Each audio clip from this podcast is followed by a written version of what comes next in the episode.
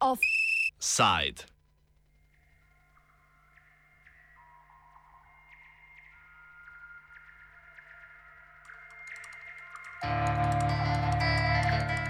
Stari novi zionistični obrazi ali pač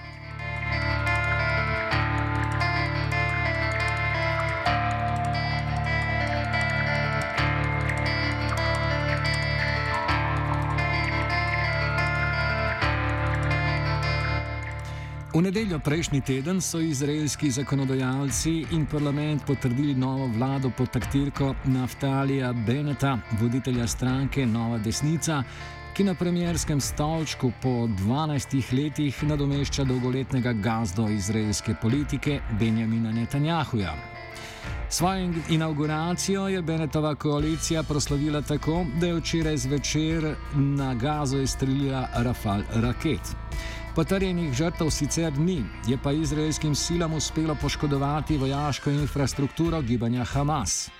S tem se je izteklo malce več kot dva tedna trajajoče premirje med Palestino in Izraelom, ki sta ga državi po izbruhu 11-dnevne vojne sklenili konec maja.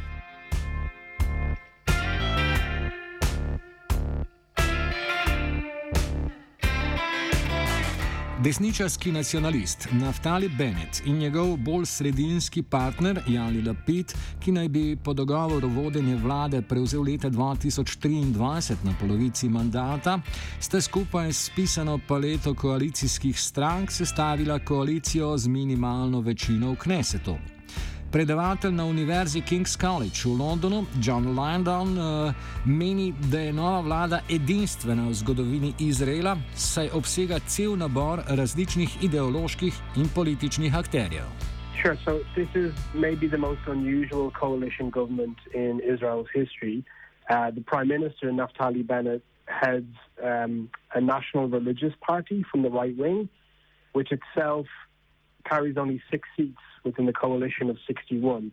So it's one of the smaller parties, but by an accident of how the party politics played out after the last election, he was in a position to be able to be the kingmaker and demand the role as prime minister. Sitting alongside him, we have Yair Lapid, whose party has almost three times as many seats, and he heads up the Yeshatid party, which is a centrist, secular, mainstream party, and he will be the foreign minister.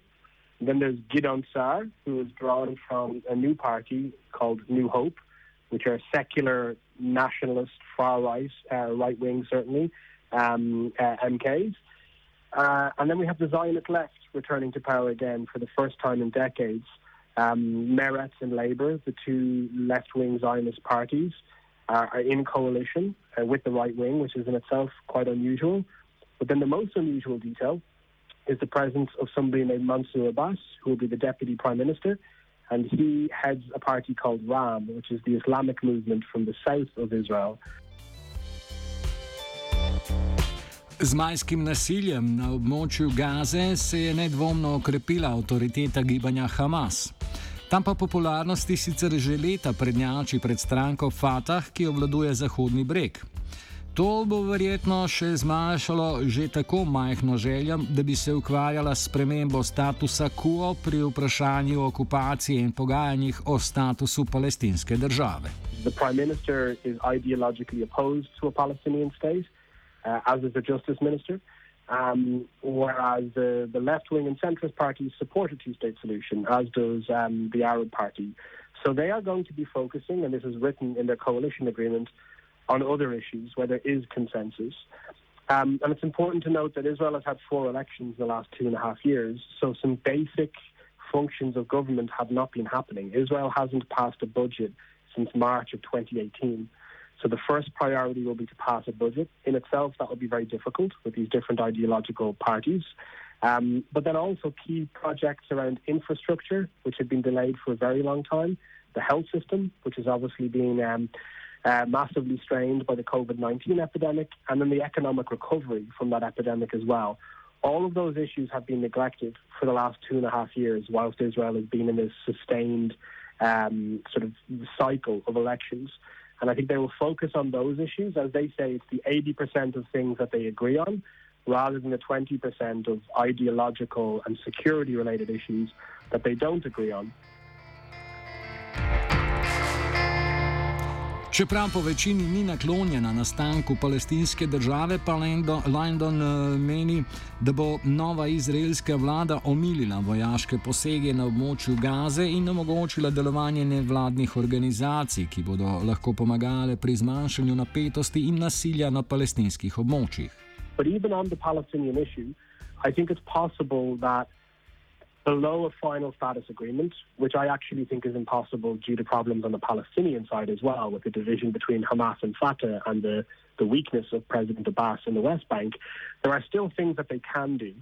Um, so, for example, there already has been an announcement this week that they are going to um, suspend the policy of nighttime raids on Palestinian homes in the West Bank.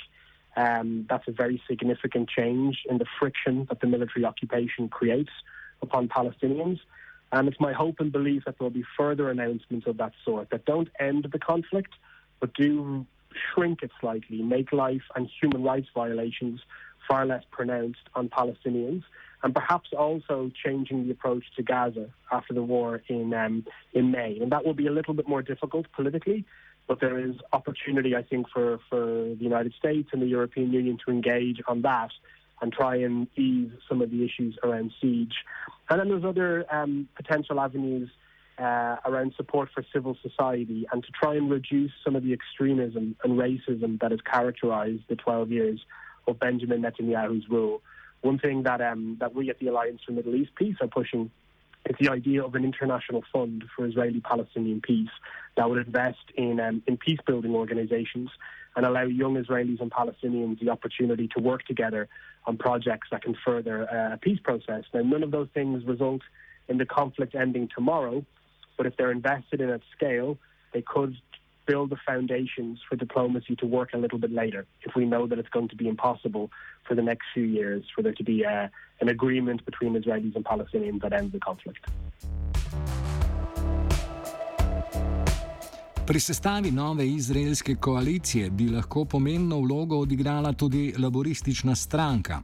Ta deluje v okviru tako imenovanih strank zionistične levice, ki je vodila Izrael v prvih desetletjih njegovega obstoja. V zadnjih dveh desetletjih pa je zašla v globoko krizo in ni bila relevanten faktor v Knesetu. London pojasni, da laboristična stranka z novo voditeljico Mero Mikaeli tokrat zauzema nekatere ključne politične položaje. There has a new leader in the form of Mirav Michaeli, who is um, an Israeli politician, former TV host, journalist, academic, feminist activist, and she has reinvigorated the party to a great degree. And they are now entering government under um, Michaeli's leadership, taking some key ministries, including the transport ministry, which is critical because transport is actually related to the, the occupation and the building of, of roads and infrastructure that serve the settlements. Um, and I think they're on a road toward recovery now, the Labour Party, not to the heights that they previously had, I think, but to begin to be more of um, a mainstream party, perhaps getting 10 or more seats in the next election. So that's quite encouraging.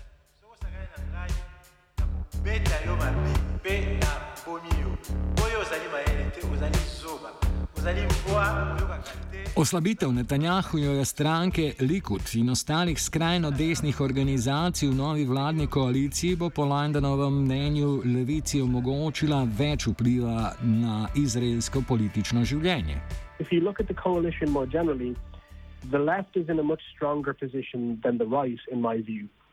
The right wing, led by in the coalition, led by Gidon Sar and Naftali Bennett, they have angered many of their base by entering a government with centrist, left wing, and Arab leaders.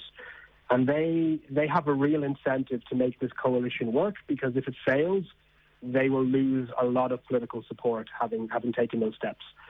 The left and the centre also, Yair Lapid, I think, actually will emerge. I think I hope stronger from this process. They showed a high degree of flexibility in leadership, particularly Yair Lapid, in putting aside uh, self-interest and allowing Naftali Bennett to be prime minister first.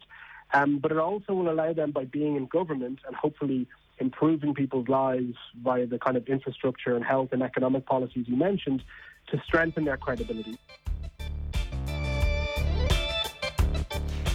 Nova izraelska vlada ima sicer novega predsednika in številne nove stranke, a nekateri vidni ministri ostajajo na položajih. Najvidnejši med njimi je obrambni minister Benny Gantz. Ta je bil še pred letom in pol glavno upanje liberalnih Netanjahunjovih nasprotnikov, a je večino političnega kapitala zapravil, ko je vstopil v koalicijo s svojim rivalom. Takrat je z Netanjahujem sklenil podoben dogovor, kot sta ga danes Bennett in Lapid. Prav razpad tega zavezništva je sprožil zadnje predčasne volitve.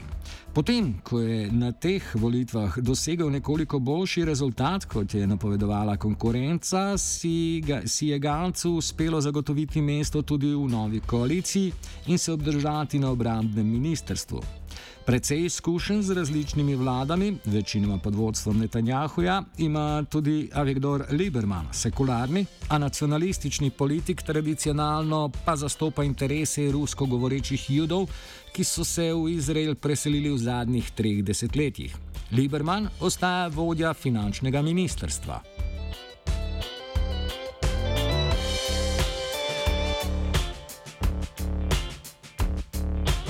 Zelo pomembno vlogo v vladi bo igral še Gideon Sar, ki vodi pravosodno ministrstvo.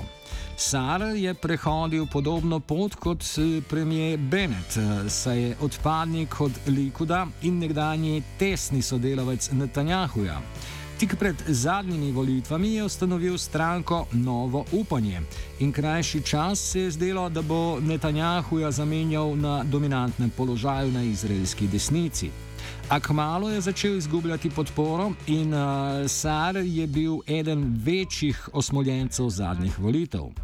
S pravosodnim ministrstvom je Sar v roke dobil vroč politični kostan. Z Netanjahujem deli mnenje, da je pravosodje liberalcev nastrojeno proti desnici in zato zagovarja reforme, ki bi dale politiki več vpliva nad sodstvom. A hkrati je vprašanje pravosodja v ospredje izraelske politike stopilo zaradi sodnih procesov proti Netanjahuju. Ti so bili ključni tudi za formacijo koalicije, ki mu je nasprotovala in sedaj sestavila vlado.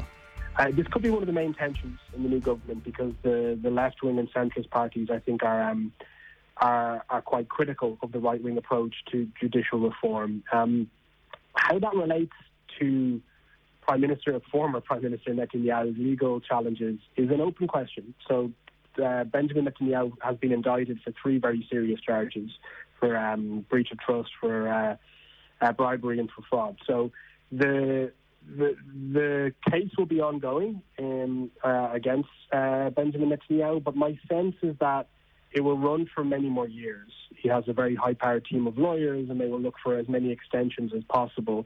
And I suspect, I don't know, but I suspect that Gideon Saar and the, the right wing in general inside the government will not seek to create the impression that there is any kind of a vendetta against Netanyahu. It still is very popular amongst the right wing base. Um, but I think for, for Netanyahu himself, a choice will develop over time about whether he wants to stay as the leader of opposition which is a less glamorous position than prime minister and affords him less legal protection than than, than he would have if he was prime minister. Uh, or to retire from politics, to focus more fully on his defence, to try and ensure that he doesn't go to prison, but also potentially to be able to raise money by doing speaking engagements and many other things in the private sector, which he's prevented from doing whilst leader of the opposition. Novo izraelsko vlado tako v prvi vrsti motita predvsem očitna šovinizem in rasizem, s katerima je Netanjahu razkril grdo realnost izraelske okupacije. A redno kolaboriranje levice z najbolj desnimi elementi vladajočega razreda, kar se kaže kot eh, nadaljne vojaško poseganje v Gazo in Zahodni breg, meče senco dvoma v navero v progresivnejšo koalicijo.